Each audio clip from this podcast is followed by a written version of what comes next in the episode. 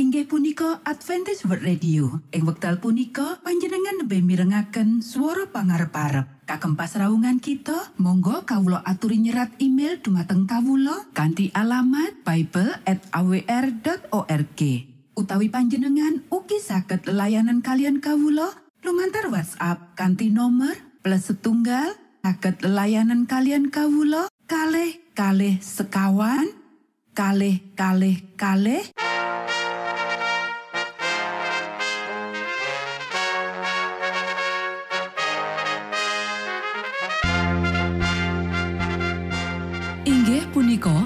Adventist World Radio ingkang giaran kanti basa Jawi.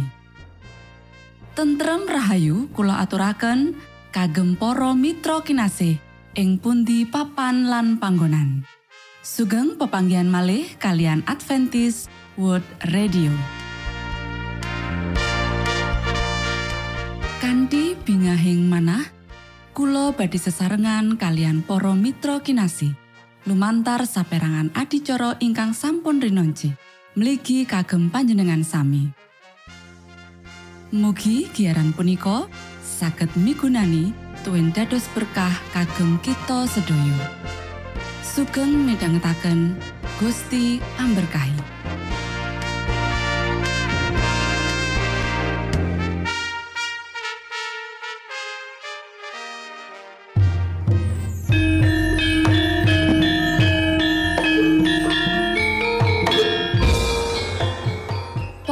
Para pamirsa kinasih ing Gusti Yesus Kristus, ing wekdal punika kita badhe sesarengan ing adicara ruang kesehatan ingkang saestu migunani kagem panjenengan saha kita sami. Tips utawi pitedah ingkang dipun aturaken ing program punika tetales dawuhipun Gusti ingkang dipunnyatakaken ing kitab suci. Semanten ugi sakehing seratan ingkang dipun wangsitaken dening Gusti Allah. Nanging saderengipun, monggo kita sami midhangetaken kidung pujian.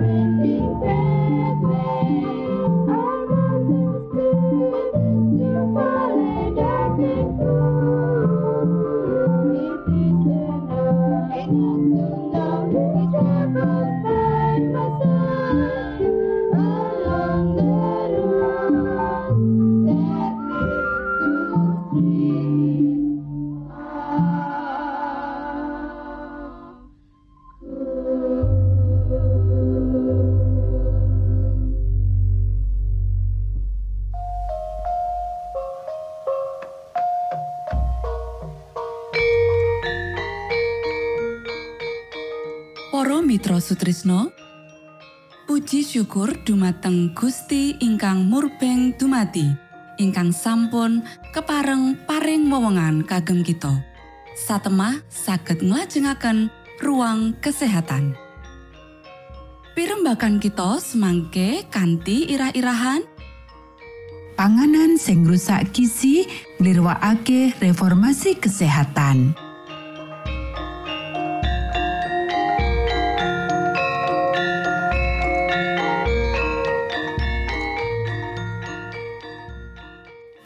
Dumateng para pamiarsa ingkang dahat kinormatan sugeng pepanggian malih kalian kula Isti Kurnaidi ing adicara ruang kesehatan. Ing dinten punika kanthi irah-irahan panganan sing rusak gizi nglirwakake reformasi kesehatan. Para sedherek ingkang kinasih titip reksanen pakulinan manganmu. Sinaunen sebab akibate nanging ojo tadi seksi koro ngenani reformasi kesehatan. Kanthi njupuk sawijining sikap kang nentang reformasi iku. Ojo nglirwakake utawa nyalahgunakake badan nganti kita ora bisa ngladeni Gustiala kaya dene sing dikersakake. Aku ngenteni kanthi pasti menawa ana akeh juru karya kita sing trampil wis tinggal amarga nglirwakake soal mangan. Kewajiban utama saka sing duwe omah ya iku ngrumat badan kanthi nyediakake panganan sing bergizi lan nguatake. Atau luwih becik kita nduweni sandangan lan prabot sing ora larang katimbang ngurangi bahan-bahan panganan sing perlu ing meja nedha. Para sederek, kita kudu nggunakake tetimbangan sehat sing becik kanggo nggunakake bahan panganan. Menawa ana jinis panganan sing ora cocok kanggo kita ora perlu kita nulis layang nakokake apa sebabe gangguan iki. Kantinen panganan iku. Kurang ngono bahan panganan cobanen nyapake sing liyane. Pungkasane kita bakal mangerteni akibat saka pirang-pirang jenis panganan sing dicampur.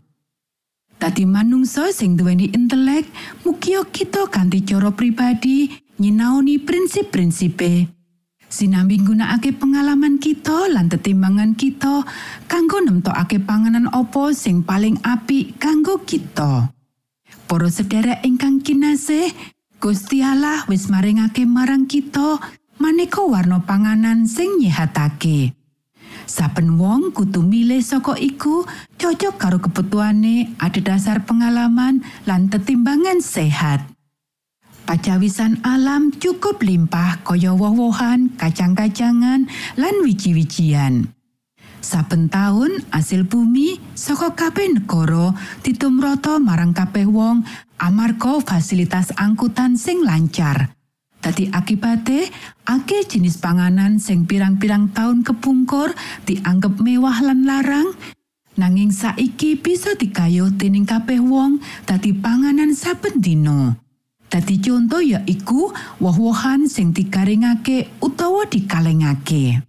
Para sedherek ingkang kinasih, panganan sing digunakake kudune cocok karo iklim. Ana jenis panganan sing cocok kanggo sawijining negara, nanging ora cocok ning negara liyane. Ora kabeh jenis panganan sing nyehatake padha mutune kanggo kebutuhan kita ing lingkungan ing ngendi kita manggon. Kita kudu ngati-ati milih panganan. Panganan kita kudu dicocokake karo musim lan iklim papan tunung kita. Mengkono uga kanggo jenis pakarian kita. Ana jenis panganan sing cocok digunakake ing sawijining musim utawa sawijining iklim nanging ora cocok jroning iklim liyane. Ana jenis panganan sing cocok banget kanggo wong-wong sing makarya ing pirang-pirang bidang. Asring panganan bisa digunakake becik dening wong sing kerja abot, nanging ora cocok kanggo wong sing kerja kantor utawa dheweke sing meres otak. Para sederek, Gusti wis maringi marang kita cukup jenis panganan sing nyihatake lan saben wong becike milih saka iku jenis panganan sing paling becik kanggo kabutuhane dhewe adhedhasar pengalaman lan tetimbangan sehat. Matur nuwun, Gusti amberkahi.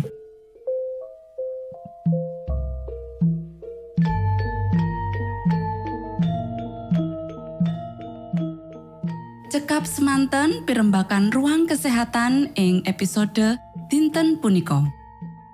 Ugi sampun kuatos jalaran kita badhe pinanggih malih ing episode sak lajengipun.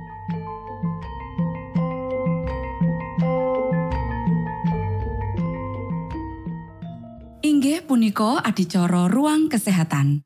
Menawi panjenengan gadah pitakenan utawi ngersakaken katrangan ingkang langkung, Monggo kulo aturi kinton email dateng alamat ejcawr@ gmail.com utawi lumantar WhatsApp kanti nomor 025 pitu 00 songo songo papat 00 pitu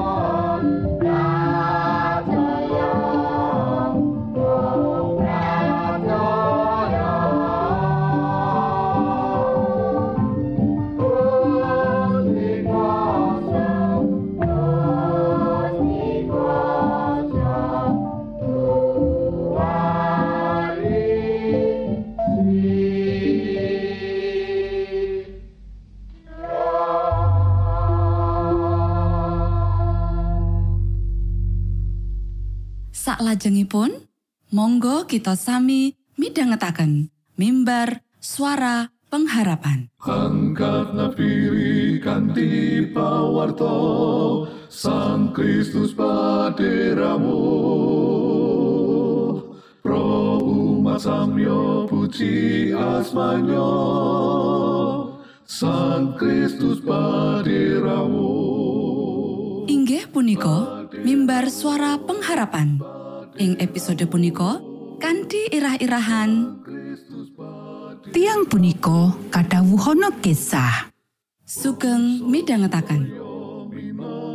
tondo Sang Kristus paderamu ilmu kawero tambah tambah Sang Kristus paderamu paderamu paderamu Sang Kristus paderamu Shalom para pamirsa ingkang kinasih wonten ing Gusti. Sakmenika kita padha mitangetaken renungan Sabda pangantikanipun Gusti. Ing dinten punika kanthi irah-irahan tiang punika kadhawuhana kisah. Para sedherek ingkang kinasih, ing tlatah kutha sing durung dikayuh, akeh wong sing pengin pangarep-arep. Ing jamane Sang Kristus, apa sing ngalangi umat Gusti Allah nggawa pangarep-arep babagan Sang Mesias menyang kutha-kutha monco kaya Tirus lan Sidon? Rasa nasionalisme, rasa gumunggung, lan prasangka wis mutakake umating Allah marang wewengan kanggo ndeleng wong-wong iku kang cedhak karo dheweke kang padha pengin marang pangarep-arep kang wis kawecakake dening para nabi bab karawuhane Gusti Yesus kang sepisan. Para sederek, wektu iki ing kutha-kutha ana akeh golongan wong ing ngendi marang wong-wong iki Gusti Yesus ngersakake supaya para umate ngetumake pangarep-arep kita kang kebak karahayon bab karawuhan Gusti Yesus kang kaping pindho. Lan kaya dene Gusti Yesus ora nate mirsani saka bangsa lan suku ngendi, kita kudu lakoni kang padha.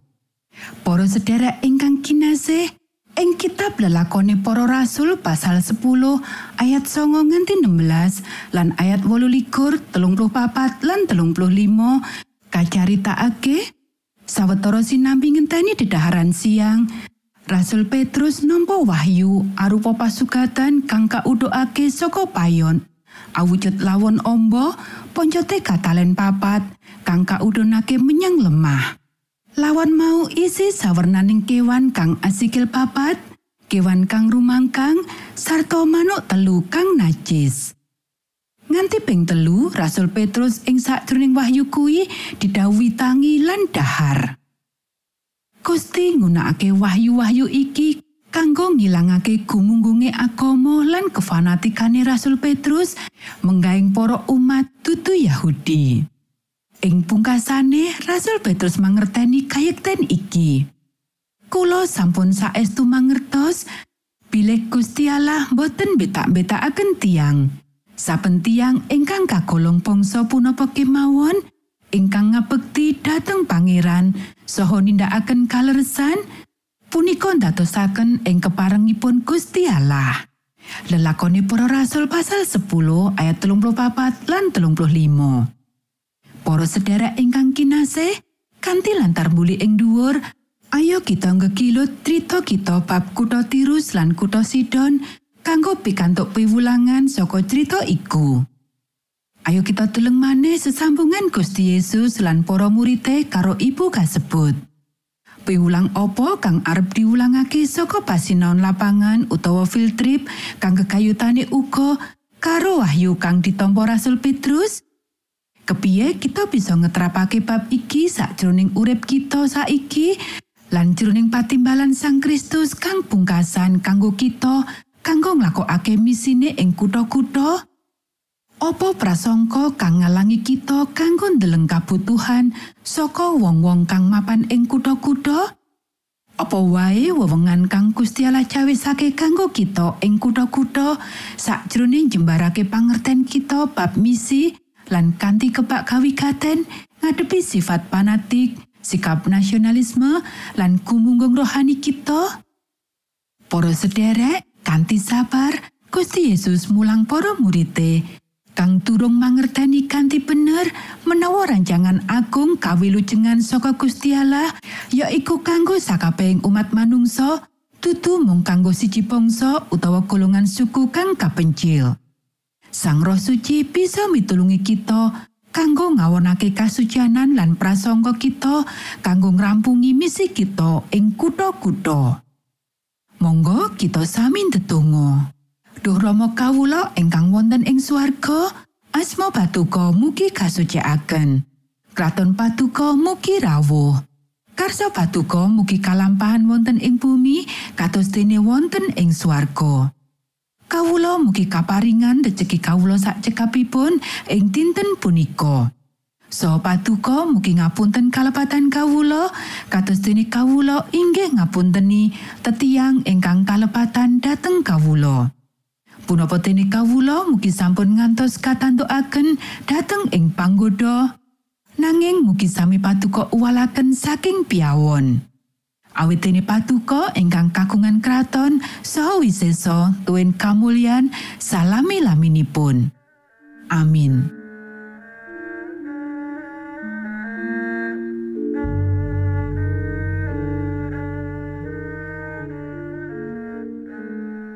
Mitra Sutrisno pamiarsa kinasih ing Gusti Yesus Kristus. Sampun paripurno pasamuan kita ing dinten punika. Menawi panjenengan gadah pitakenan utawi ngersakaken seri pelajaran Alkitab suara nubuatan Monggo Kulo aturi kintun email dateng alamat ejcawr utawi lumantar WhatsApp kanti nomor 025 pitu 00 songo songo papat 00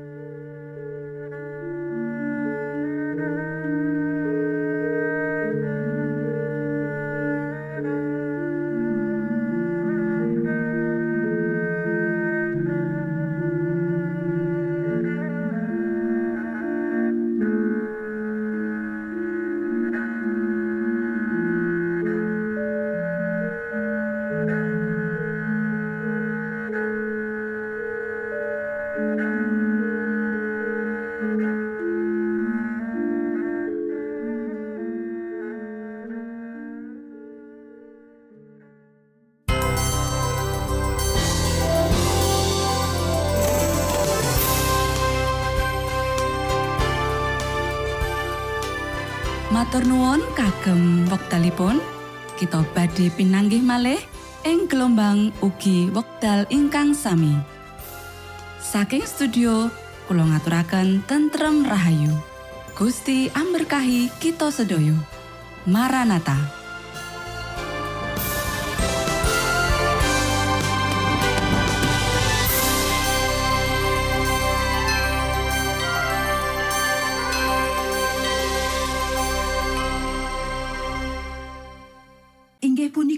Adventist World Radio. Ing wekdal punika panjenengan lebih mirengaken swara pangarep-arep. Kagem pasraungan kita, monggo kawula aturi nyerat email dumateng kawula kanthi alamat bible@awr.org. Utawi panjenengan ugi saged layanan kalian kawula lumantar WhatsApp kanthi nomor plus setunggal saged layanan kalian kawula kalih kalih sekawan kalih kalih kalih